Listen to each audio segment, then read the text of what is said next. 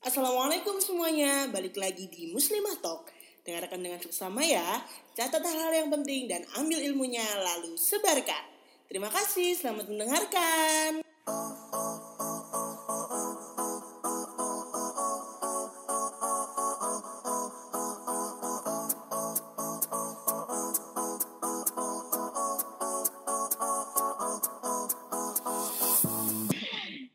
Ya, terima kasih sebelumnya untuk kepada panitia dan uh, pada peserta sekalian yang saya lihat ya dari foto profilnya sepertinya kebanyakan mahasiswa ya, mengingatkan saya 10 tahun silam menjadi mahasiswa.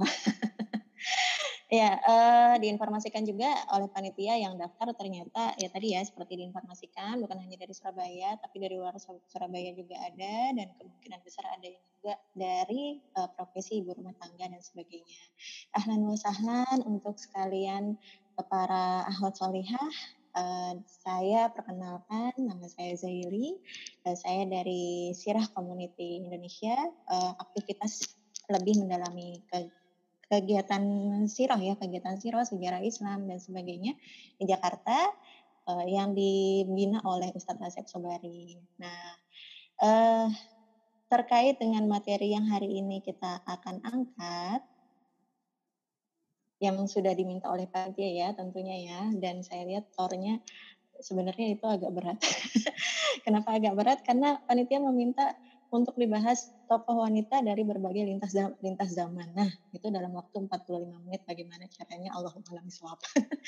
nah, yang pasti uh, coba saya ringkas materi ini uh, dan semoga mudah-mudahan bisa mempermudah apa yang uh, disampaikan mempermudah untuk bisa kita teladani ya karena kan kita tujuannya untuk menyampaikan untuk belajar materi tokoh ini adalah meneladani mereka. Nah, Tapi yang kita harus uh, kita garis bawahi ya dengan apa yang sedang kita angkat malam ini, kita bukan sedang membahas emansipasi wanita. Karena emansipasi wanita yang digaungkan dan dilahirkan oleh Barat itu sebenarnya tidak cocok eh, kata-kata itu dengan istilah Islam ya. Karena mereka itu kan menggaungkan emansipasi itu dalam artian bebas dalam segala hal gitu. Tidak ada batasan uh, termasuk agama, tidak ada batasan sama sekali. Nah, sedangkan Islam sendiri sudah mengatur mengatur bagaimana uh, peran dan posisi wanita yang sesuai dengan fitrahnya kodratnya. Makanya Allah Subhanahu wa taala 14 abad silam telah menurunkan ayat yang surat yang sangat masya Allah ya mulia memuliakan wanita yaitu surat An-Nisa. Itu surat khusus membahas peran kita yaitu peran wanita, peran muslimah sampai saat ini bahkan sampai akhir zaman itu masih berlaku. Nah, jadi eh, silahkan alhamdulillah untuk didalami ayat itu karena itu memang benar-benar Allah masya Allah ya memberikan aturan yang sangat jelas tentang peran wanita dan pria dan tidak sama sekali membedakan. Kalau misalkan kita perhatikan di dalam Al-Quran itu Allah sering mengatakan bahwa wahai orang-orang yang beriman, wahai orang mukmin, Uh, tapi di dalam surat nih, di dalam surat salah satu surat An-Nahl ayat 97 Allah menyatakan dengan sangat jelas ya, dengan sangat jelas tidak ada kata wahai orang yang beriman, wahai orang uh, wahai orang-orang yang mukmin gitu ya. Tapi Allah sebutkan bahwa barang siapa yang mengerjakan kebaikan kebajikan baik laki-laki maupun perempuan, nah, baik laki-laki maupun perempuan dalam keadaan beriman itu Allah menjelaskan sangat-sangat jelas disebut baik laki-laki maupun perempuan, masya Allah dalam keadaan beriman, maka pasti akan kami berikan kepadanya kehidupan yang baik. Nah, jadi di dalam Islam ini seperti kita yakini ya bahwa tidak ada perbedaan posisi uh, dalam hal uh, pahala ya dalam hal pahala. Kalau misalkan kita syarat untuk masuk surga itu adalah misalnya adalah laki-laki. Enggak Allah subhanahu subhanahu wa taala itu hanya mensyaratkan dia adalah orang yang bertakwa masya Allah. Nah jadi uh, sesuai dengan ayat itu jadi kita Masya Allah, sejarah Islam ya, sejarah Islam ini memiliki kekayaan yang luar biasa terkait tokoh-tokoh wanita tokoh-tokoh muslimah dari bahkan sebelum Rasulullah SAW diutus menjadi nabi. Nah kalau misalkan ahwat filah sekalian uh, mau mengecek bagaimana sejarah-sejarah wanita di sebelum Islam diutus ataupun setelah Islam diutus dari peradaban lain, apakah ada tokoh wanita yang lain di dalam sejarahnya itu memberikan uh, peran yang maksimal untuk peradaban mereka? Nah itu pasti tidak akan ditemui ya. Paling itu dewa-dewa dan sebagainya. Nah, kalaupun ada itu ada di uh, zaman yang sekarang yang kurang lebih di yang tadi ya yang digaungkan oleh Barat sebagai emansipasi wanita. Tapi itu juga penuh dengan uh, hal yang sesuatu yang harus dikoreksi. Masih hal banyak banyak hal yang harus dikoreksi. Nah, misalnya salah satu contohnya adalah seorang wanita uh, yang dinobatkan sebagai tokoh emansipasi wanita dari uh, di Amerika yang bernama Bella.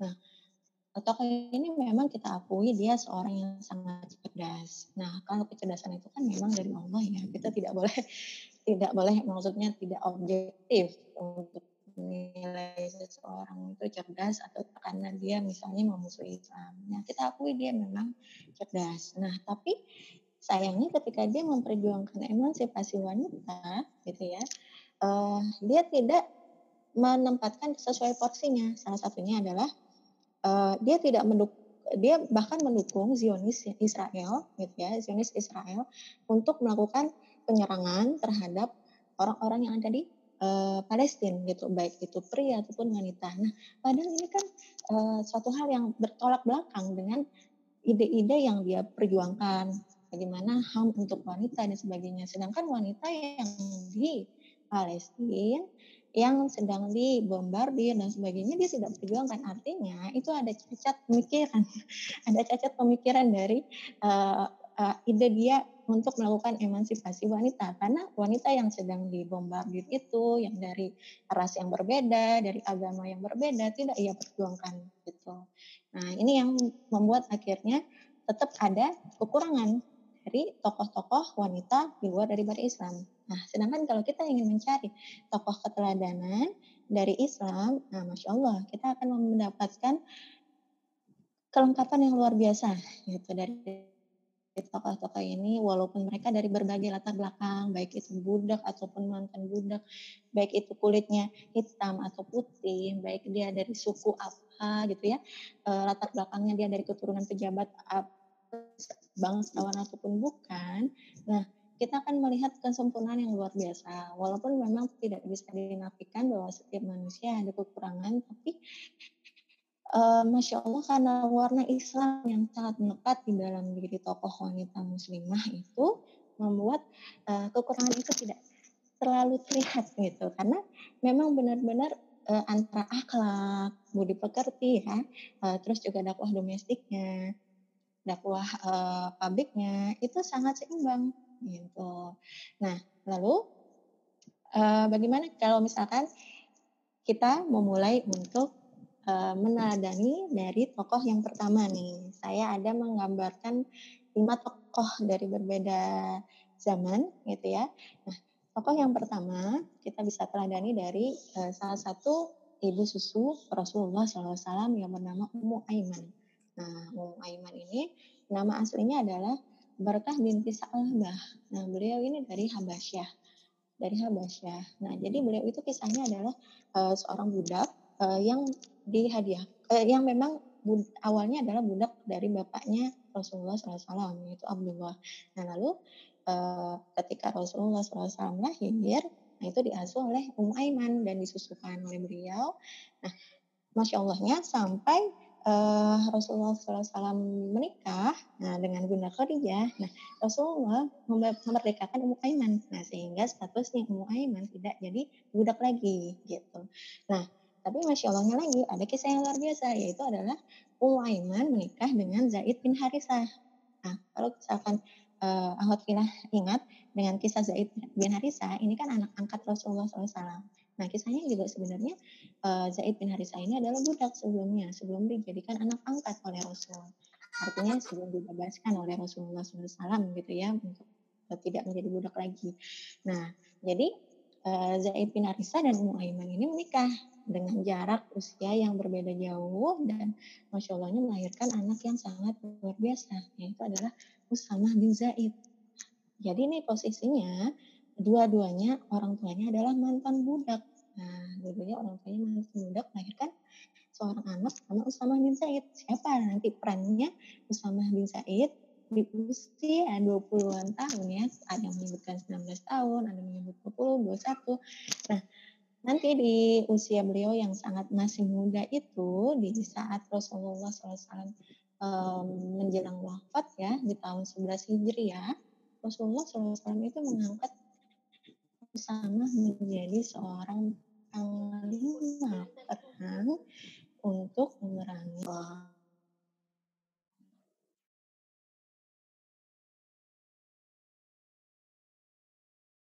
bisa diperkenankan hmm. untuk um, menjabat ataupun memiliki peran-peran yang diamanahkan sangat besar gitu ya. Seperti walaupun dia adalah keturunan gitu ya, seperti Usama bin Zaid ini. Ini suatu hal yang prestasi yang luar biasa gitu ya. Dan kebahagiaan, kebanggaan untuk kedua orang tuanya pastinya. Uh, Masya Allahnya ketika para sahabat itu dipimpin oleh Usama bin Zaid, nah itu kan Usama itu kan sebenarnya memimpin perang itu artinya sekaligus memimpin sahabat-sahabat senior. Siapa saja sahabat senior saat itu yang dipimpin oleh Usama? Yaitu adalah ada Umar, Umar bin Khattab, ada Abu Bakar, ada sahabat sahabat-sahabat senior yang lainnya yang banyak yang mereka juga punya keistimewaan. Gitu. Nah jadi Masya Allah, jadi sahabat senior dipimpin oleh bersama bin Said yang masih muda dan dia adalah keturunan anak mantan budak, masya Allah. Nah, ketika pernah memang ada satu kisah para sahabat senior ini sempat uh, bukan komplain sih ya, bukan komplain dan meragukan, bukan, cuma uh, ada perasaan dia tuh kayaknya lebih lebih muda gitu, khawatirnya belum punya pengalaman di lapangan untuk berperang gitu ya. Nah, akhirnya suara-suara ini ya, suara-suara komentar para sahabat di belakang layar Rasulullah SAW terdengarlah ke Rasulullah. Nah, Rasulullah SAW mengumpulkan para sahabatnya dan menyampaikan kepada para sahabat, apakah kalian melakukan hasil didikanku? Nah, Masya Allah. Nah, jadi Usama itu dibela langsung oleh Rasulullah SAW. Rasulullah sampai mengatakan, apakah kalian meragukan hasil didikanku? Nah, jadi Usama ini uh, meskipun uh, beliau ini punya mempunyai orang tua, tapi Rasulullah SAW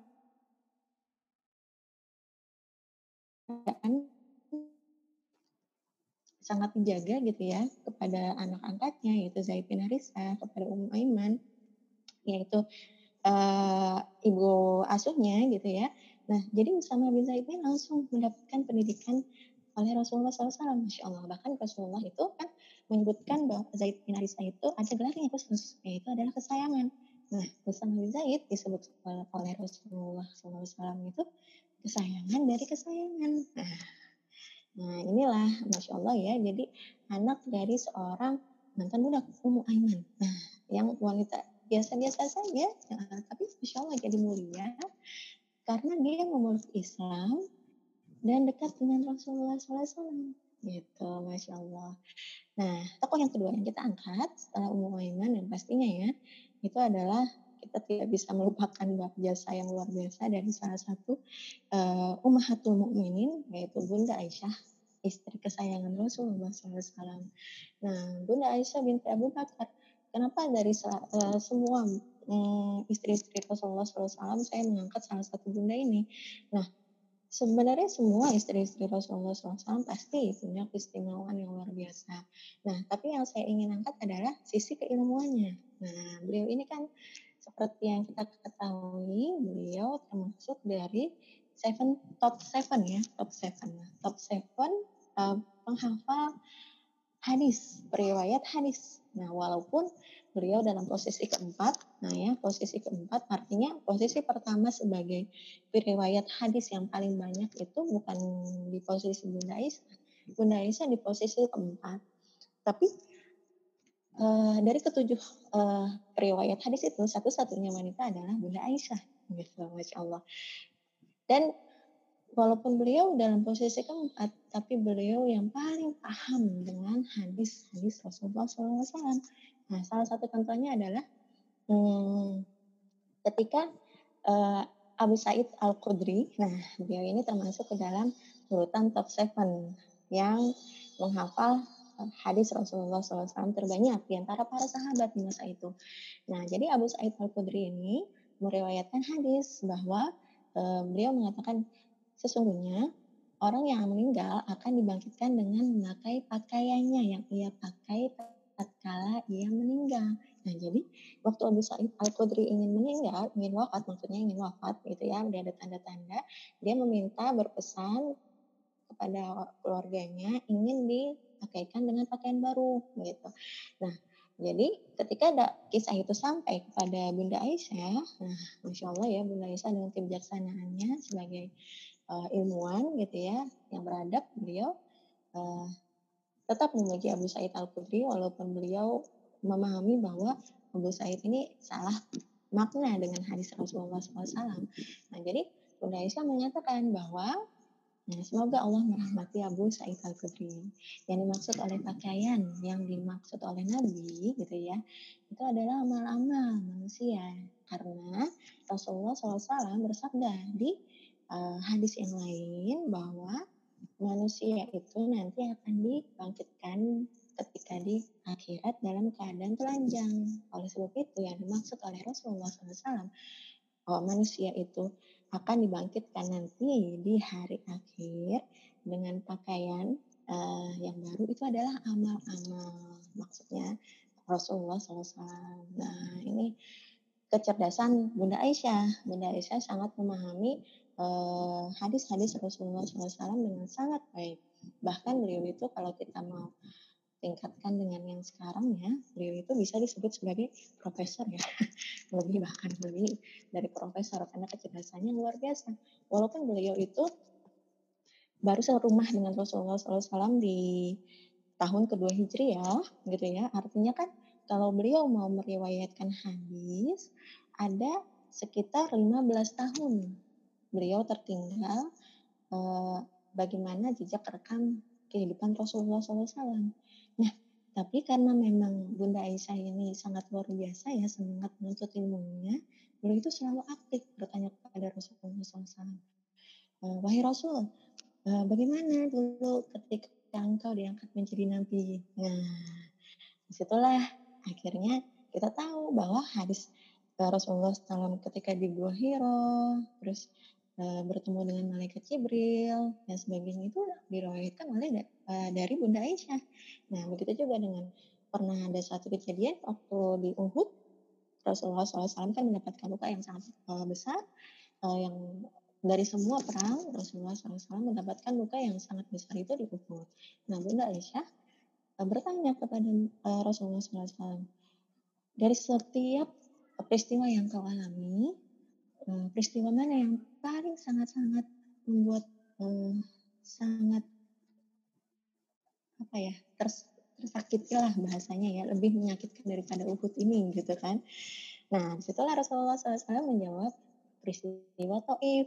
Nah oleh sebab itu kita tahu peristiwa Rasulullah SAW di Taif ditimpuk uh, oleh anak-anak dikatai orang gila terus ditolak dakwahnya di Taif. Nah itu dari Bunda Aisyah. Nah, jadi walaupun Bunda Aisyah itu tertinggal sampai 15 tahun ya, uh, dari rekam jejak kehidupan Rasulullah SAW karena memang menikahnya kan uh, setelah Bunda Khadijah uh, wafat ya. Nah, tapi karena memang kecerdasan, terus juga uh, keaktifannya yang luar biasa untuk mencari tahu apa aja sih sebenarnya yang Rasulullah SAW alami selama ini gitu ya. Jadi karena ada perasaan cinta itulah, jadi penasaran apa sih yang selama ini dialami oleh kekasihku gitu ya. jadi ditanya-tanya terus, dikorek-korek terus gitu. Padahal waktu itu usianya Bunda Bunda Aisyah ini ya masih terbilang kalau kategorinya sekarang ya remaja ya masih di usia ya kurang lebih 12 tahun tapi ya Masya Allah kritisnya luar biasa gitu ya kritisnya luar biasa dan kita mengetahui bahwa kronologis uh, sirah Nabawiyah itu kita ketahui salah satunya adalah dari riwayat uh, Bunda Aisyah gitu, masya Allah. Nah, tapi ada yang menarik dari kisah Bunda Aisyah yang lainnya adalah ketika Rasulullah SAW uh, wafat itu Bunda Aisyah usianya 18 tahun, muda banget. 18 tahun itu baru masuk kuliah kalau sekarang ya atau 17 tahun. Nah, itu usia 18 tahun sudah menjanda. Nah, sampai uh, di usia beliau nanti beliau itu wafat di usia 65 atau 66 tahun lah. Jadi ada sekitar 40 tahun beliau menjanda gitu. Nah, kalau kalau sekarang sebenarnya kalau saya sih belum naudzubillah ya belum, belum pernah merasakan hal itu ya belum pernah merasakan janda dan sebagainya tapi kalau mendengar cerita orang-orang yang sudah menjanda mereka lebih baik maksudnya lebih tersiksa dengan perasaan menjandanya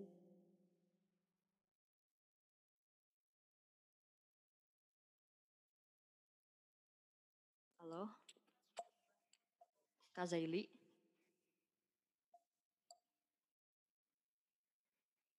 Halo Kak. Iya. Baik, uh, mungkin saya coba kontak dulu ya Kak Zailinya. Uh, sebagai saya kontak mungkin uh, bisa saya review sedikit gitu ya tentang apa yang kemudian sudah disampaikan. Ada dua ada dua uh, sahabat Rasulullah ada dua sabia yang kemudian sudah ya. Ada dua sahabia yang kemudian sudah dibahas tadi. Yang pertama adalah Umu Aiman. Oke okay, oke okay, Kak Zaili udah masuk. Ya Kak oke okay. ya. mungkin bisa dilanjutkan lagi Kak. Ya. monggo. Iya. Iya. Iya, mohon maaf sebelumnya. Tadi uh, tiba-tiba sinyalnya terhambat. Maklum. Kurang diprediksi. Nah, ya, jadi apa, Kak. Uh, kita kembali lagi tadi ya terputus ya. Uh, terputus bagian Bunda Aisyah. Nah, ini lagi seru-serunya soalnya untuk para jomblo biasanya. nah, jadi uh, tadi ya uh, yang 18 tahun usia 18 tahun sudah menjanda. Nah, kalau saya yang saya tahu, saya dengar dari yang sudah pernah menjanda, mereka itu sebenarnya lebih berat merasakan menjanda daripada menjomblo gitu ya. Karena ibaratnya ya eh, istilahnya udah pernah kalau udah pernah uh, merasakan gitu ya, uh, merasakan rumah tangga, berumah tangga, nah itu lebih berat daripada mereka yang belum pernah merasakan berumah tangga. Nah jadi Masya Allah Bunda Aisyah, tapi walaupun di usianya yang sangat masih muda itu sudah menjanda, survive gitu ya hmm, ya nggak mungkin baper lah matul mukminin gitu ya. Maksudnya selama 40 eh, tahun menjanda itu beliau benar-benar masya Allah uh, survive bahkan menghasilkan karya yang luar biasa. Luar biasa sekali guru besar umat Islam gitu ya kalau bisa disebut ya. Nah jadi uh, seperti yang kita tahu ya bahwa yang namanya Ummatul Mukminin ini kan memiliki uh, aturan yang berbeda dengan wanita-wanita muslimah yang lainnya. Yaitu di dalam surat Al-Ahzab ayat 33 dan ayat 53 bahwa mereka ini tidak bisa keluar dengan semudahnya gitu ya. Uh, mereka lebih baik dianjurkan untuk berada di rumah bahkan. Dan mereka pun ketika ada lawan jenis gitu yang bukan mahram ingin memiliki keperluan dengan mereka, mereka kan memang diwajibkan untuk menggunakan cadar juga. Nah, walaupun udah udah menggunakan cadar gitu ya, ketika bertemu dengan mahrom, eh non mahrom gitu yang memiliki keperluan dengan ummahatul mukminin itu harus melalui belakang belakang tabir juga, masya Allah. Jadi memang terjaga sekali, masya Allah. Nah jadi uh, tapi walaupun seperti itu, Bunda Aisyah tetap mampu melahirkan ulama-ulama besar baik itu dari mahrom ataupun non mahrom uh, kalau misalkan kita telusuri bagaimana dan siapa saja gitu ya lulusan dari madrasah Bunda Aisyah. Nah, itu banyak nama-namanya. Nah, kalau misalkan uh, alhamdulillah uh, sekalian memiliki buku biografi Bunda Aisyah, nah nanti bisa dibaca secara khusus. Nah, jadi uh, salah satunya itu dari tokoh-tokoh yang beliau lahirkan itu adalah tujuh fuqaha yang ada di Madinah. Nah, Madinah itu kan pusat ibu kota lah, ibu kota umat Islam. Nah, di saat itu Bunda Aisyah itu kan hidup sampai bisa Muawiyah ya, Muawiyah menjadi uh, Amirul Mukminin.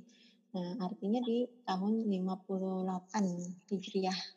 Nah, nah jadi uh, selama itulah Bunda Aisyah ini melakukan penghadaran dari uh, Rasulullah SAW wafat yaitu tahun 10 atau 11 Hijriah.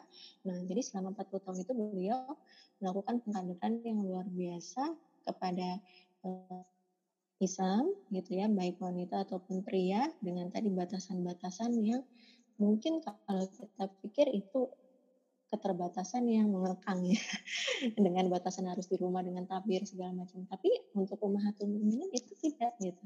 Itu justru keistimewaan karena bisa menjaga hati mereka bisa menjaga hati orang-orang yang uh, eh, non muhrim gitu ya terhadap mereka gitu. Karena memang kan ada aturannya juga nanti setelah uh, di maksudnya di dalam surat Al-Hazab masih di dalam surat Al-Hazab itu ada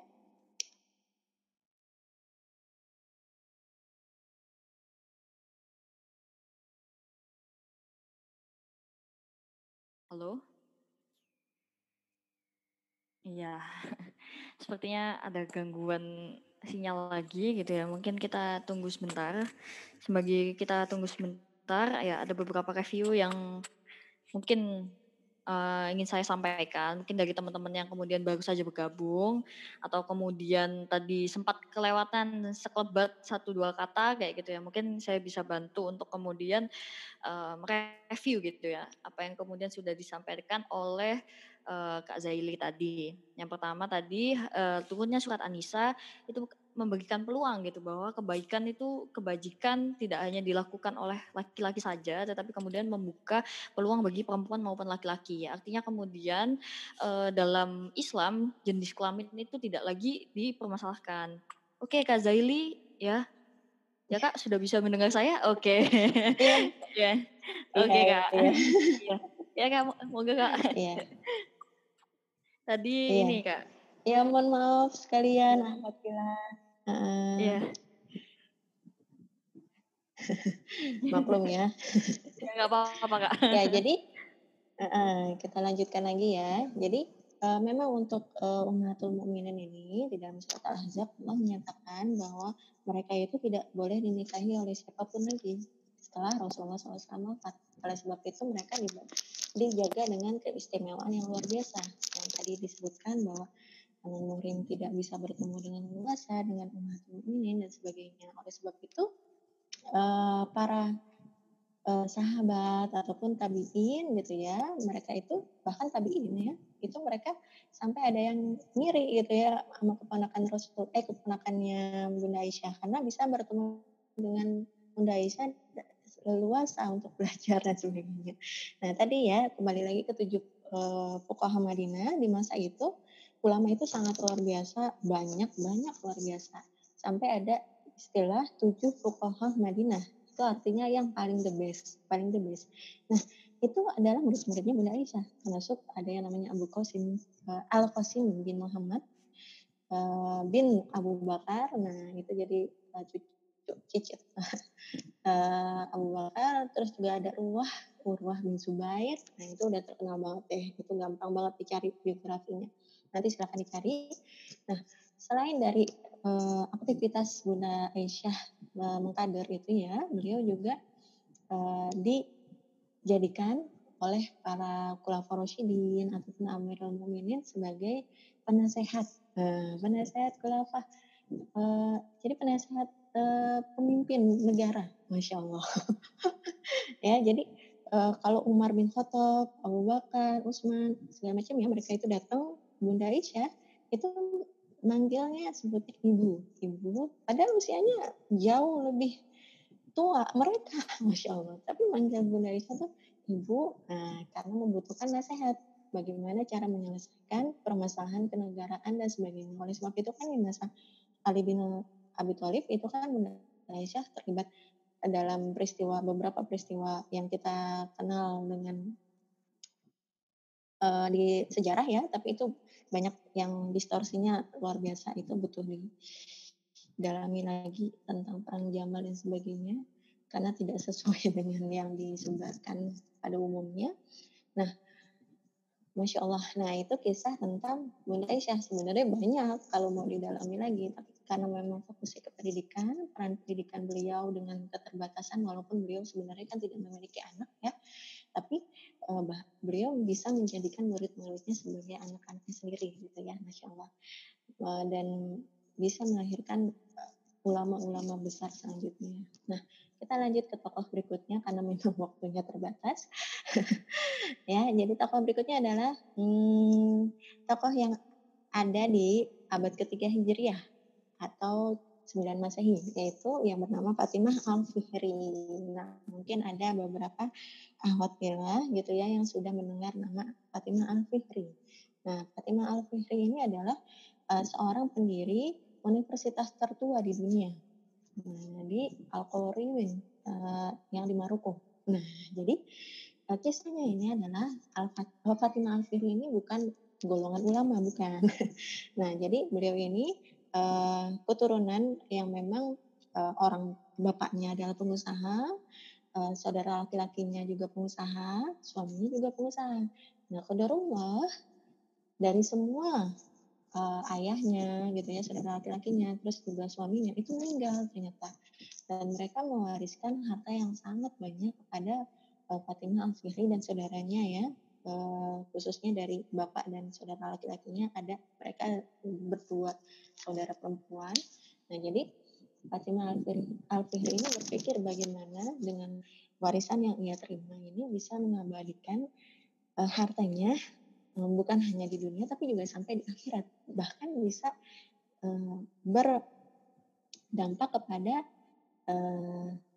ayahnya, suaminya, saudara-saudara laki-lakinya. Jadi masya Allah beliau ini berazam untuk mewakafkan uh, warisan yang ia dapat untuk membangun universitas tertua di dunia. Nanti teman-teman uh, bisa langsung searching ya setelah kajian di Google atau di YouTube gitu ya universitas itu masih ada sampai sekarang Universitas Al Quran nah di Maroko nah jadi uh, sebenarnya awalnya itu masjid nah masjid uh, karena dan memang udah ada fondasinya fondasinya uh, dibangun oleh Yahya bin Muhammad bin Idris dari uh, Sultan uh, di Maroko itu di Al Quran itu nah tapi masih kondisi masih kecil, masih yang fungsinya hanya sholat, ibadah, zikir dan sebagainya. Memang ada kajian, tapi tidak bentuk universitas.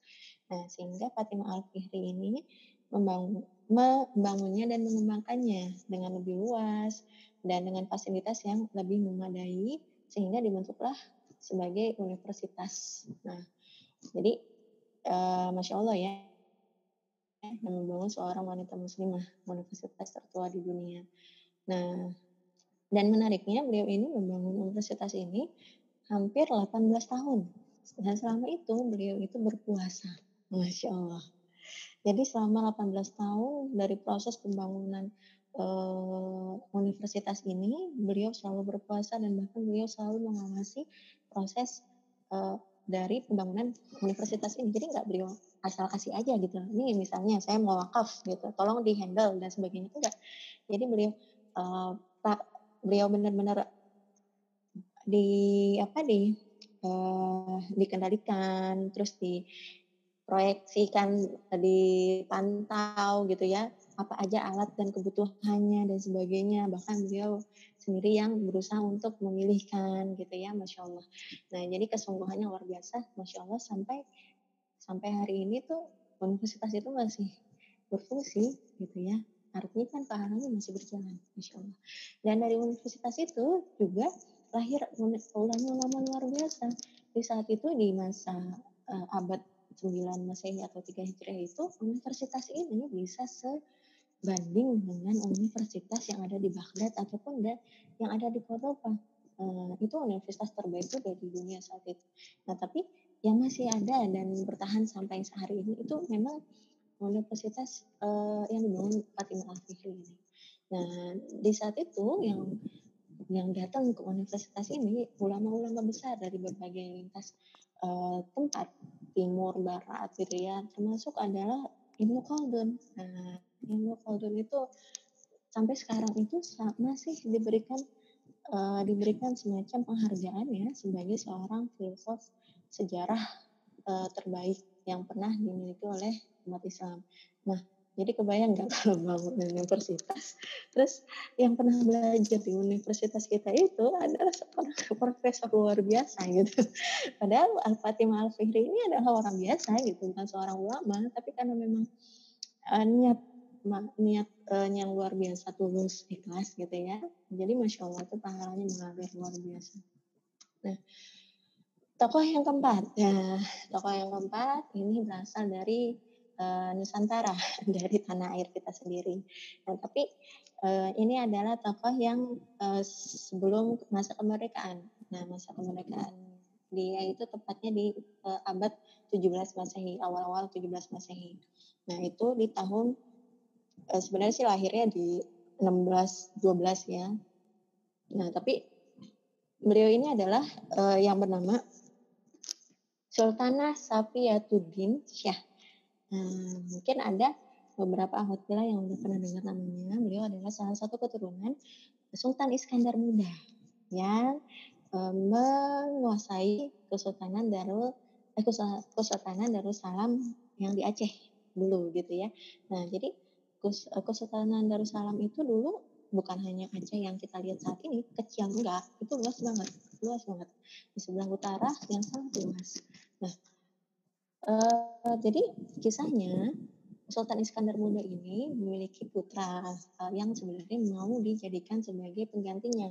Tapi ternyata kodarullahnya putranya ini berzina sehingga uh, Sultan Iskandar Muda menghukumnya untuk dirajam sampai mati gitu. Masya Allah.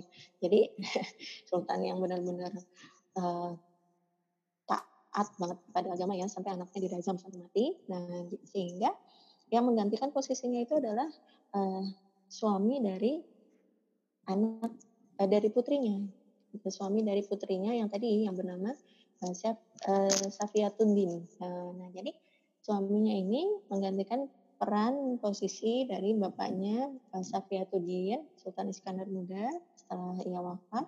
Nah, tapi ternyata Safi, uh, suami Safiatuddin ini meninggal di usia yang sangat muda, usia 30 tahun. Nah, di saat itu pun Safiatuddin belum memiliki anak gitu dari pernikahannya. Sehingga uh, ada ulama, beberapa ulama gitu ya, yang uh, mereka itu berijtihad ingin menjadikan Safiyatuddin itu menjadi sultan, sultanah pengganti dari suaminya. Masya Allah. Kebayang nggak jadi ratu di dalam satu kerajaan. di dalam satu kerajaan. Nah memang ada perbedaan perbedaan kalau masuk ke, ke dalam ranah fikih ini akan panjang tapi karena kita memang kita membahasnya lebih ke sejarah gitu ya nah di saat itu memang ulama ada yang berbeda pendapat nah tapi ada ulama-ulama yang uh, istirahatnya luar biasa gitu ya uh, berusaha untuk bagaimana memecahkan masalah yang ada yang terjadi di uh, kerajaan Aceh Darussalam ini karena memang tidak ada dari pengganti-pengganti uh, Sultan Iskandar Muda yang lebih baik ketimbang anaknya sendiri yang memang sudah mempelajari bagaimana sistem militer, sistem perpolitikan dan sebagainya. Nah, sehingga Safiatuddin ini diangkat menjadi ratu hampir 30 tahun, hampir 30 tahun. Artinya tidak ada pemberontakan, artinya uh, memimpinnya ini dengan sangat baik dan sebagainya.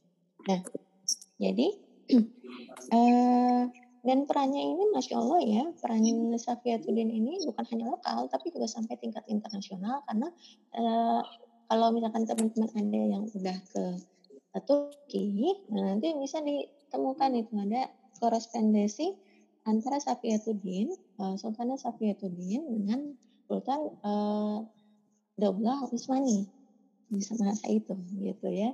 Jadi memang masya Allah uh, beliau walaupun wanita tapi sangat dihormati oleh rakyatnya, terus juga oleh uh, Belanda, Portugis, Inggris dan sebagainya saat itu karena memang kerajaannya luas ya, tidak uh, terbatas di uh, satu daerah gitu yang kita lihat Aceh sekarang kan kecil ya. Nah, uh, Kak mohon maaf waktunya tinggal 4 menit. Halo Kak. Halo, Assalamualaikum. Kak Zaili.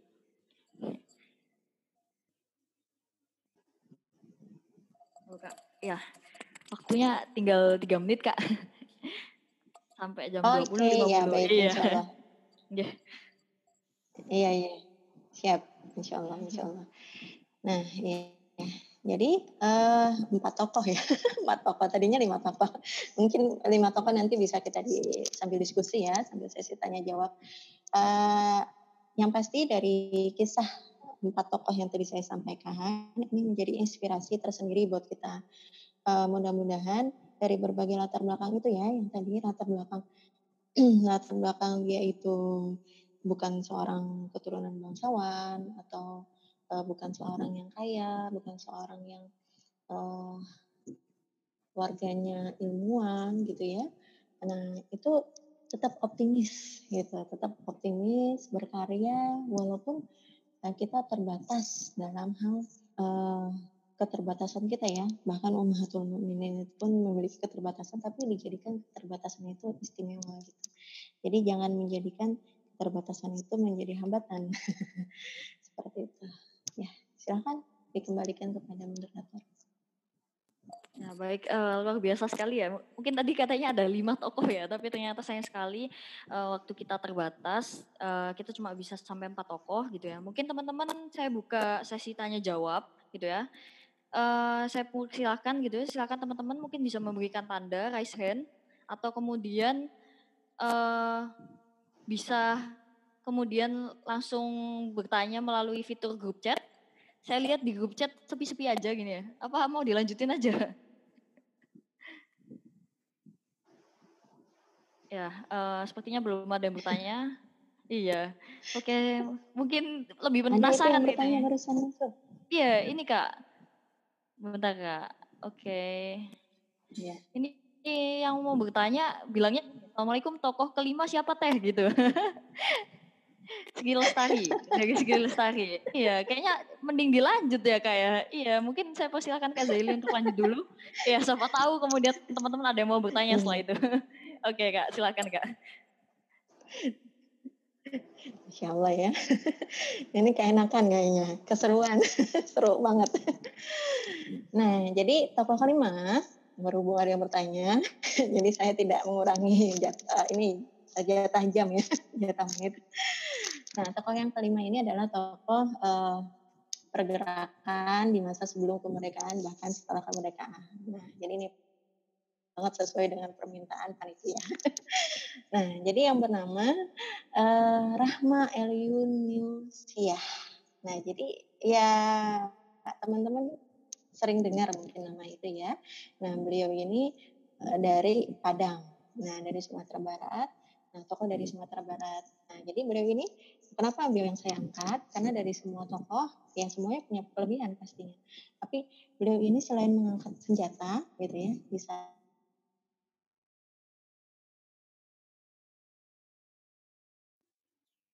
Halo Kak. Ya, nama tokoh selanjutnya itu uh, Rahma El Yunusia. Beliau adalah tokoh pergerakan tadi teasernya. Oke, okay, Kak Zaili alhamdulillah bisa balik lagi. Oke, okay, Kak. Silakan, Kak. Iya. Iya. Bismillahirrahmanirrahim. Ya, kita lanjut lagi ya. Ya, silakan, ya. Ya, Rahma El Yunus ya. Nah, jadi uh, kenapa saya angkat beliau? Uh, dari semua tokoh pasti sangat-sangat uh, luar biasa ya perannya. Nah, beliau ini menjadi satu satu titik tokoh wanita yang luar biasa karena selain mengangkat senjata gitu ya untuk berperang, beliau juga membangun, fokus membangun pendidikan. Nah, jadi di masa sebelum kemerdekaan.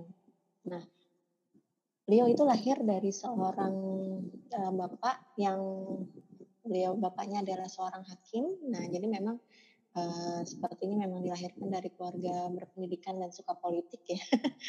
nah, jadi uh, terus juga waktu mudanya karena memang di Padang ya, jadi beliau adalah salah satu murid Buya Hamka, belajar langsung oleh Buya Hamka. Nah, juga di atas di usia 23 tahun. Nah, ini kan rata rata-rata usianya 23 tahun ya. uh, usia 23 tahun. Nah, beliau ini atas dukungan kakaknya, kakak kandungnya dan teman-temannya ini uh, didukung untuk mendirikan uh, sekolah diniyah putri. Karena waktu itu karena ada kolonialisme ya, uh, jadi putri perempuan itu ada pembatasan untuk belajar sehingga uh, uh, Rahma ini uh, Bunda Rahma ini memiliki inisiatif untuk mendirikan sekolah khusus putri gitu. Dan itu di usia 23 tahun, Masya Allah. Dan muridnya itu langsung 71 orang. Masya Allah, 71 orang, banyak. nah, dan bagaimana dengan biayanya? Nah, baru tiga tahun beliau mendirikan sekolah dini putri ini, ternyata uh, terjadi gempa di, di, di Padang ini, dan artinya membutuhkan biaya sangat besar. Nah, ya beliau dengan pamannya itu berkeliling. uh, jadi beliau itu memang bukan dari keluarga yang sangat ya. Jadi beliau dengan pamannya berkeliling uh, di, dari Sumatera Utara gitu ya sampai ke Malaysia gitu ya untuk mengumpulkan dana membangun sekolah dunia putri itu. Nah, dan menariknya dari sekolah dunia putri yang beliau bangun itu itu sampai terdengar ke Al Azhar Kairo Mesir gitu masya Allah.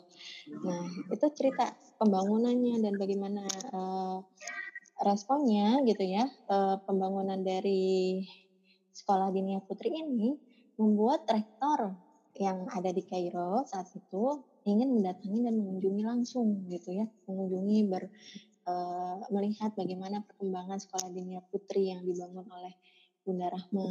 Nah, sehingga di saat itu uh, rektor dari Al Azhar itu memberikan salah satu predikat gelar gitu ya untuk Bunda Rahma. Gelar yang ya sampai saat ini bahkan Indonesia tidak menggelari Bunda Rahma sebagai pahlawan Indonesia gitu ya. Tapi rektor yang di Al Azhar itu memberikan gelar sampai gelar penulis kausa. Wah, itu masya Allah, itu gelar yang luar biasa dan gelar itu diberikan hanya untuk rektor yang ada di Mesir gitu. Nah, sehingga Kenapa sampai diberikan gelar seperti itu? Karena setelah uh, rektor Kairo itu pulang ke Mesir, beliau berinisiatif, uh, jadi berinisiatif atas kunjungannya gitu ya, terpengaruh dari kunjungannya ke sekolah dini putri yang dibangun oleh Bunda Rahma, membangun sekolah putri di Al Azhar gitu. Karena waktu itu belum ada khusus putri gitu. Masya Allah. Jadi inspiratif sekali Bunda Rahma itu. Bisa menginspirasi sampai ke Mesir gitu. Ke Al Azhar masya Allah. Nah. Jadi eh, juga luar biasa. Sampai nanti beliau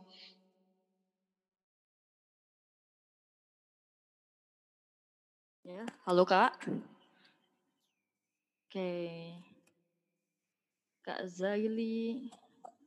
Halo Kak. Ya mungkin lagi terkabel lagi. Ya mungkin ada tadi ada pertanyaan dari Hafsah. Ya mungkin setelah disampaikan uh, Kak Zaili menyampaikan tentang tokoh yang terakhir yaitu uh, Rahma El Yunusia. Ya mungkin nanti uh, Kak Hafsah bisa menyampaikan pertanyaannya mungkin setelah ini saya tunggu dulu. Oh iya Kak Zaili. Kak Zaili mungkin ini ya Kak Zaili. Ya ini ada pertanyaan masuk Kak mungkin diselesaikan dulu kali ya Kak yang tadi penyampaian tokoh kelimanya gitu. Setelah itu pertanyaannya bisa dijawab gitu Kak. Oh Oke, okay. masih penasaran, masih iya, lanjut ya. Saya juga penasaran soalnya kak. Iya, mohon maaf ya. Iya, nggak apa-apa kak. Iya, nggak tahu ini aplikasinya atau gimana. Kalau sinyal jaringan oke okay nih kelihatannya. Nggak tahu keluar oh, gitu sendiri ya, tiba-tiba. Oh, iya, iya, iya. iya. Gak apa-apa, Kak. Kita semangat. Saya belum update juga sih aplikasi itu. semangat banget. Nah, jadi uh, ya, jadi itu kan tadi terkait Bunda Rahma, perannya terkait pendidikan. Nah, bagaimana dengan perannya terkait perpolitikan? Jadi di masa saat Jepang itu pernah menjajah Indonesia ya, uh, Bunda Rahma ini waktu itu berperan luar biasa dengan kawan-kawannya karena di saat itu Jepang mendirikan satu uh, satu tempat khusus yang bernama rumah kuning. Rumah kuning. Rumah kuning itu apa sih? Jadi itu istilah prostitusi di saat itu. Nah, jadi eh, wanita-wanita Indonesia itu harus melayani orang-orang Jepang di saat itu dan itu di digugat oleh Bunda Rahma dan kawan-kawannya karena itu tidak sesuai dengan uh, kebudayaan dan agama yang mayoritas dianut oleh umat Islam yang ada di Nusantara. Nah, masya Allahnya perjuangan Bunda Rahma dan kawan-kawan itu berbuah hasil yang luar biasa dan uh, akhirnya rumah kuning itu ditutup gitu, masya Allah. Nah, nanti sampai nanti beliau uh, di masa kemerdekaan itu pun juga ada. Beliau itu mendirikan suatu salah satu ketentaraan gitu ya. Panjang kisahnya panjang sekali. Sampai beliau nanti di masa kemerdekaan itu menjadi salah satu uh, anggota Dewan Pimpinan Pusat Masyumi. Nah, jadi aktif di politik juga sampai menjadi salah satu uh, anggota DPRS gitu. DPRS waktu itu sempat masuk jadi anggota DPRS walaupun sempat ada permasalahan dengan Soekarno dan sebagainya karena memang uh, tidak mendukung Soekarno untuk uh, berpikir uh, tentang komunisnya gitu. Nah, masya Allah. Jadi kita memiliki tokoh yang luar biasa uh, Indonesia yang jarang sekali diangkat ya. Nah, jadi beliau itu bukan bukan tokoh emansipasi dan beliau juga tidak suka disebut sebagai tokoh emansipasi. Itu salah satu uh, wawancara dengan saya yang saya baca ya salah satu wawancara dengan cicit salah satu cicitnya beliau beliau tidak suka disebut sebagai tokoh emansipasi karena apa yang beliau perjuangkan itu memang adalah sesuatu yang sudah uh, digariskan oleh Islam gitu bahwa seorang perempuan itu harus menuntut ilmu dan sebagainya. Dan kalau Indonesia disebut uh, tidak mem, mempunyai dengan emansipasi. Kita lihat tadi ya dari Safiatuddin itu di abad 17 abad 17 Masehi bahkan dia menjadi ratu gitu. Nah, kan permasalahan-permasalahan perbedaan peran wanita dan pria itu sebenarnya yang di Indonesia dialami karena permasalahan kolonial aja gitu sebenarnya. Karena kolonial yang uh, Belanda yang sampai mendirikan sekolahnya sampai berjumlah ratusan, 500 lah lebih bahkan di Indonesia sehingga uh, orang-orang berpikir agak bukan agak lagi pasti ada berpikir liberal gitu emansipasi dan sebagainya gitu ya mudah-mudahan yang tadi singkat nih tentang Bunda Rahma bisa ditangkap Kayak kak. Nanti kayak enakan kak ini kalau diceritain terus sampai jam 10 nanti kak. ya, Oke kak ini ada dua. Saya juga kayak enakan juga nih kak. Oke, uh, saya coba bacain ada dua pertanyaan masuk ini ya. Uh, mungkin di sini bisa bacain langsung aja ya, langsung bisa berinteraksi dengan pemateri karena pertanyaan cuma ada dua. Silahkan saya persilahkan kepada uh, saudara Hafsah P. Ya, sudah bisa? Bisa? Audionya mungkin bisa dinyalakan? Sudah Dia. Oke, okay, uh, eh, baik saya persilahkan untuk kemudian bisa bertanya langsung kepada Kak Zaili. Assalamualaikum warahmatullahi wabarakatuh. Hmm, suaranya kecil. warahmatullahi wabarakatuh. Iya, suaranya kecil. Hmm. Coba mungkin bisa dideketin. Ya.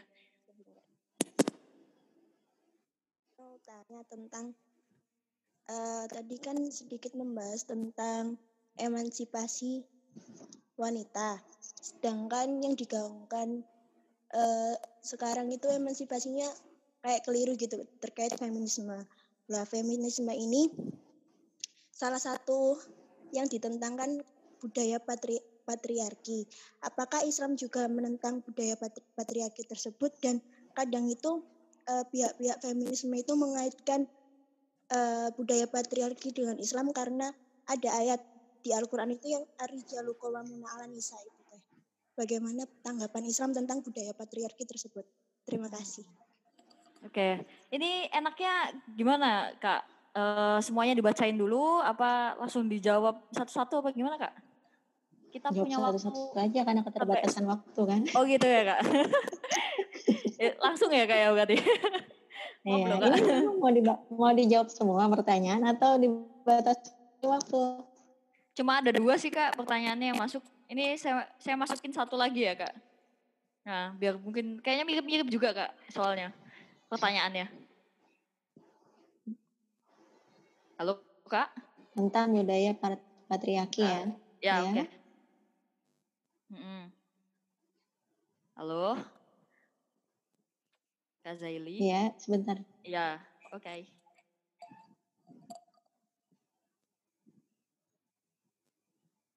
Hmm.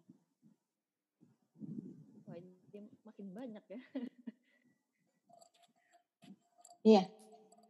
Eh tadi yang terkait eh, budaya patriarki itu emansipasi eh, feminisme ya, feminisme yang digaungkan oleh Barat. Nah sebenarnya bagaimana sih dalam posisi Islam eh, me- memandang ya, memandang terkait tentang peran wanita di eh, sebagai seorang tokoh pejuang ya eh, dalam hal eh, tadi kan udah sempat dijelaskan juga ya dal- eh, dengan beberapa tokoh itu dengan beberapa tokoh eh, oh iya makanya kurang tertangkap karena saya sempat saya sempat ini nih agak tertinggal menceritakan tentang Ummu Aiman. Hmm. Jadi Ummu Aiman ini sebenarnya eh beliau itu pernah ikut perang di masa Rasulullah SAW yaitu perang Uhud dan perang Khaida, eh, perang Khandak, perang Khandak. Nah, jadi Ummu Aiman ini eh, beliau perang di saat itu wanita sebenarnya dibolehkan untuk ikut sama Rasulullah SAW. Bahkan istri para istri Rasulullah SAW itu diajak juga gitu dan mereka diundi karena memang banyak ya. Jadi diundi untuk diajak eh, ke perang itu. Nah, sa- misalnya kayak Bunda Aisyah itu ikut di perang Uhud juga kan.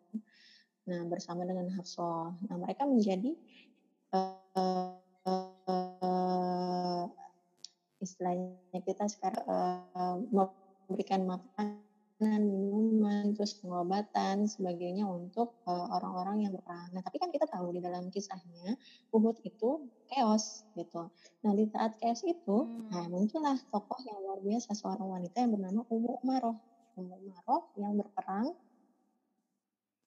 eh membela Rasulullah SAW karena saat itu saat chaos para sahabat kan eh, berpergian kocar kacir ke mana-mana. Nah eh, di saat itu sah- hanya beberapa sahabat saja yang menjaga Rasulullah SAW dan Ummu Umaroh yang melihat itu pun akhirnya ikut melindungi Rasulullah SAW sampai eh, Rasulullah itu tidak melarang sama sekali tidak melarang Ummu Umaroh di depan di depan jadi mereka itu bikin kayak border gitu. Kalau teman-teman pernah asik itu kan ada border. Nah Rasulullah di tengah. Nah Hmm. jadi Ummu Umaroh itu membela Rasulullah SAW diambil pedang eh, yang terjatuh di tanah diambil dan dipegang di kedua belah tangan itu. Sampai dikisahkan semua tubuhnya itu penuh basetan gitu dengan penuh dengan luka gitu. Dan eh, ketika Rasulullah SAW tahu kondisi itu malah Rasulullah mendoakan gitu mendoakan Ummu Umaroh eh, otomatis doanya doa surga gitu. Dan ketika didoakan surga nah jadi di saat perang berkecamuk gitu kan Rasulullah menyemangati dengan doa nah lalu Umar itu berkat eh, waktu mendengar Rasulullah menjawabnya dengan eh, mendoakannya untuk masuk surga Umar menjawab wahai Rasul doakan aku juga dekat dengan engkau gitu di surgamu nanti. Eh di surga di surga Allah gitu nanti gitu ya. Masya Allah. Jadi lagi lagi perang itu saut-sautan doa, minta doa gitu ya, masya Allah. Nah jadi dalam Islam ini uh, tidak ada, uh, memang ada batasan untuk uh, pria dan laki-laki gitu ya, karena memang kita tidak bisa tidak bisa pungkiri bahwa seorang laki-laki itu memiliki fisik yang lebih kuat daripada wanita gitu ya. Uh, itu sudah Allah ciptakan dari sananya itu udah otomatis gitu. Nah termasuk dari kisah kisah Safiyatuddin tadi, uh, Sultanah Safiyatuddin. Nah, ketika ia menjadi sultanah, menjadi sultanah selama 30 tahun, memang prestasinya banyak gitu dan diakui. Tapi memang uh, yang dievaluasi adalah bagian militernya. Bagian militernya walaupun ada militer bagian perempuan dan sebagainya, tapi yang namanya perempuan itu tetap ada sisi kekurangan. Saat itu memang diputuskan Sultanah Safiatuddin menjadi sultanah ya tadi karena memang ada syarat-syarat yang luar biasa yang sudah dilalui oleh para ulama untuk berijtihad dan memutuskan uh, Safiatuddin menjadi sultanah gitu. Nah, jadi memang nggak bisa dipungkiri ada perbedaan secara fisik gitu, hmm. secara kodrati. Tapi yang paling menarik ya, saya kemarin sempat dengar di dan sempat baca di beberapa penelitian bahwa uh, ternyata dengan gaungnya emansipasi justru orang-orang yang masuk Islam itu kebanyakan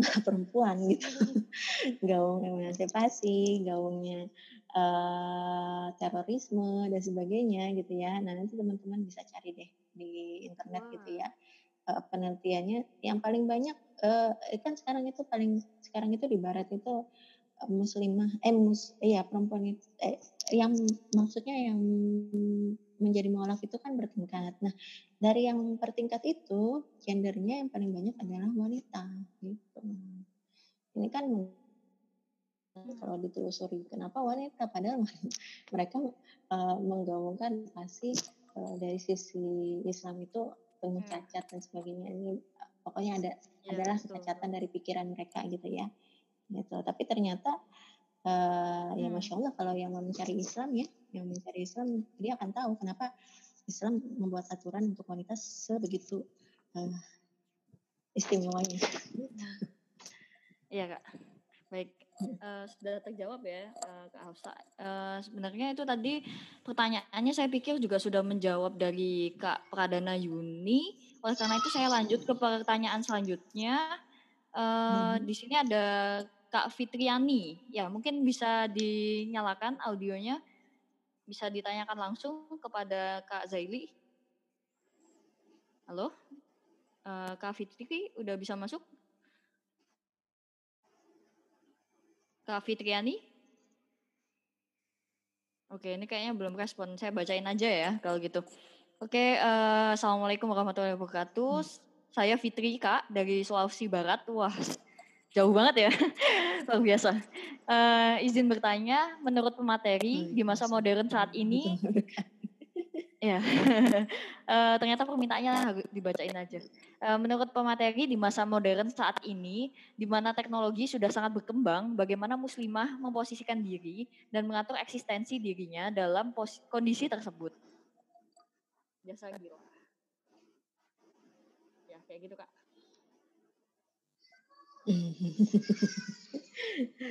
Nah, karena saya membahasnya tentang sejarah ya, jadi uh, lebih membahasnya sejarah bukan kepikinya.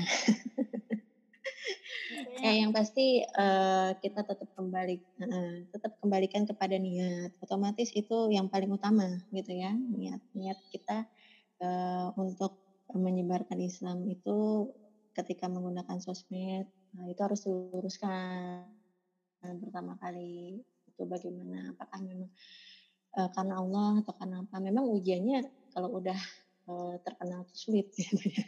Kalau udah terkenal sulit makanya ulama-ulama zaman dulu itu sangat menghindari yang namanya ingin menjadi terkenal. gitu. Bahkan ada ulama yang uh, dia itu baru menerbitkan bukunya ketika dia wafat karena ingin menjaga ketulusan keikhlasan hatinya gitu ya. Karena ya sulit. Kalau untuk udah menjadi terkenal tuh udah sulit. Uh, udah banyak apa ya bahasanya ujiannya tuh banyak gitu ujiannya banyak luar biasa. Nah jadi uh, tapi kita tidak bisa untuk diam diri tidak berkarya karena di luar sana orang-orang yang memusuhi Islam sangat mengejar untuk menggunakan sosmed uh, menyebarkan tentang hal-hal uh, yang buruk terkait Islam gitu. Jadi memang harus uh, kita menggunakan media tetap harus menggunakan media uh, untuk mengcounter, membangun uh, pemahaman tentang Islam yang benar, bagaimana hmm. itu tetap harus kita uh, gunakan karena ini sebagai salah satu wasilah, salah satu sarana yang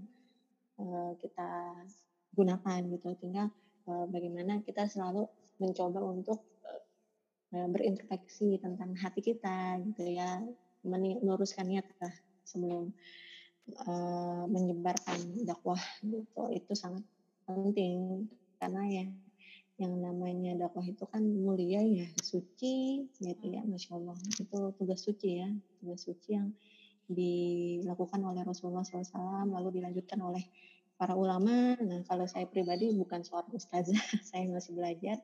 Uh, yang pasti saya jadi akar rumput, membantu guru-guru yang telah memberikan ilmu kepada saya.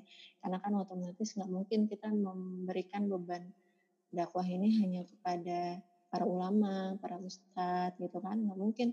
Oh ya udah gitu, itu bagian ustadz aja kita bagian denger gitu nggak mungkin kayak gitu terus sedangkan jumlah ustadz jumlah ulama semakin lama semakin sedikit gitu oke oke ya mudah-mudahan singkat dikembalikan kalau cara cara okay. disesuaikan dengan masing-masing uh, yang pasti tetap niat lah tetap niat itu hmm. dia harus di, selalu dijaga gitu aja. Hmm. Oke kak, terima kasih banyak kak. Mungkin uh, closing statement ya kak ya, terakhir gitu ya. Closing statement untuk teman-teman yang ada di sini berkaitan dengan uh, lima tokoh yang tadi sudah kakak sebutin gitu ya dalam generasi Islam gitu ya. Mulai dari yang ada di Timur Tengah atau mungkin zaman kenabian ataupun yang deket-deket sama kita lah orang sama-sama orang Indonesia gitu ya gitu. Uh, apa sih kak yang bisa kakak simpulkan gitu dari uh, diskusi kita pada malam hari ini gitu ya Alhamdulillah, ya Alhamdulillah uh, kita sudah di penghujung acara. Uh, yang pasti dari semua materi yang saya sampaikan, khususnya lima tokoh ini tidak bisa mewakil, uh, bisa mewakili, tapi tidak bisa kita hanya berpuas diri untuk mengenal dari sekedar beberapa menit aja gitu ya, cuma satu jam lah kurang lebih ya. Saya harap teman-teman ahwat filah bisa mencari lagi gitu dari menggali lagi dari kajian-kajian lain, dari buku-buku lain, literatur yang lain. Nah, dari tokoh lima tokoh ini otomatis kita bisa uh, mendapatkan inspirasi yang luar biasa bahwa berkarya itu tidak harus um, memiliki misalnya pasangan gitu ya seperti Buddha Aisyah yang selalu memiliki pasangan hingga uh, hingga wafat karena beliau itu memang beliau didikan dari Rasulullah SAW gitu ya tapi itu sebentar. Nah uh, terus juga yang namanya kita mau berkarya tidak harus kita adalah seorang yang kaya. Gitu. terus juga itu kita bisa pelajari dari uh, Bunda Rahma gitu. Dengan keterbatasan uh, dana beliau bisa membangun sekolah putri pertama dan yang menginspirasi sampai ke Mesir bahkan Nah yang ketiga itu ada uh, Aiman, masya Allah, walaupun bukan dari golongan ningrat gitu ya, dan bahkan mantan budak gitu. Masya Allah beliau memiliki azam yang luar biasa, memiliki keturunan yang uh, bisa berkontribusi luar biasa untuk dakwah. Terus juga ada uh, Safiatuddin gitu, walaupun beliau tidak memiliki anak, walaupun beliau adalah seorang wanita gitu ya, beliau bisa untuk berkarya memimpin kerajaan Aceh Darussalam dengan sangat baik walaupun sempat ada uh, keraguan dari beberapa orang tentang kepemimpinannya tapi masya Allah hingga akhir hayatnya uh, beliau bisa untuk membuktikan bahwa sebagai seorang muslimah beliau mampu memimpin dan mengemban amanahnya gitu.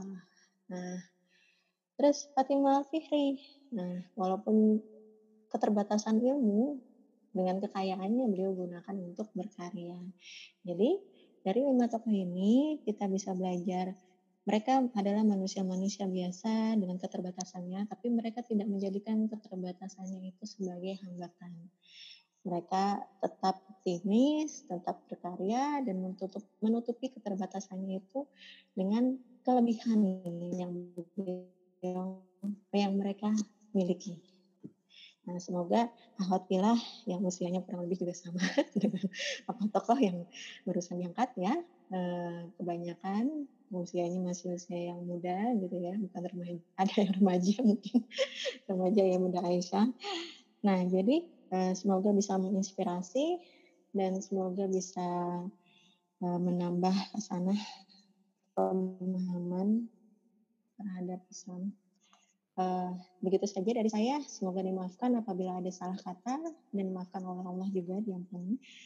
Semoga kita bisa bertemu lagi di lain kesempatan, entah kapan, kalau misalkan berjalan dan sebagainya, uh, disapa aja. Iya. Walaupun Jauh ya. walaupun sama berbeda jarak ya, ya. tapi kodarullah kan kita nggak tahu. Nah, Iya, betul Kak. Surabaya, Aduh, saya juga. iya, saya Surabaya juga yang Kak. bertanya Sumatera ya tadi ya. Iya, tadi ada Sumatera juga. Iya, Kak. Hmm. Oke kak, Eh, baik terima kasih kak Zaili. Wah luar biasa ya tadi kita udah dapat inspirasi dari lima tokoh eh, muslimah gitu ya, beda generasi, tapi kemudian usul eh, umurnya usianya itu nggak jauh beda nih daripada kita kita. Ada yang kemudian usianya masih SMA ya kayaknya, Eh, tanda kutip ya SMA. Kalau dulu kan nggak ada SMA ya, Eh, mungkin Bunda Aisyah gitu ya, usia 18 tahun gitu waktu ditinggal Rasulullah, terus kemudian ada yang kemudian usianya 23 tahun sudah membuat eh, sebuah sekolah gitu ya. Saya usianya 23 tahun langsung jadi mikir gitu Kak ya. Udah ngapain aja gitu saya kayak gitu.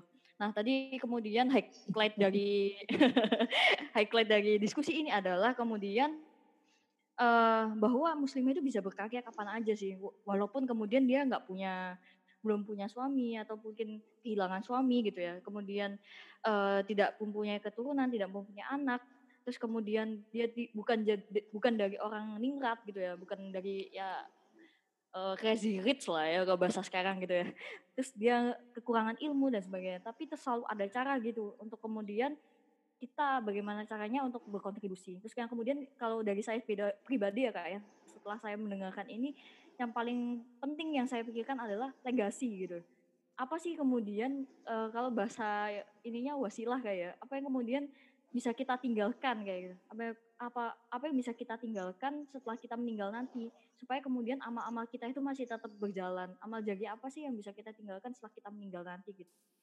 Sekali lagi, terima kasih sudah mendengarkan ambil ilmunya, lalu sebarkan ya. Selamat beraktivitas. Wassalamualaikum warahmatullahi wabarakatuh.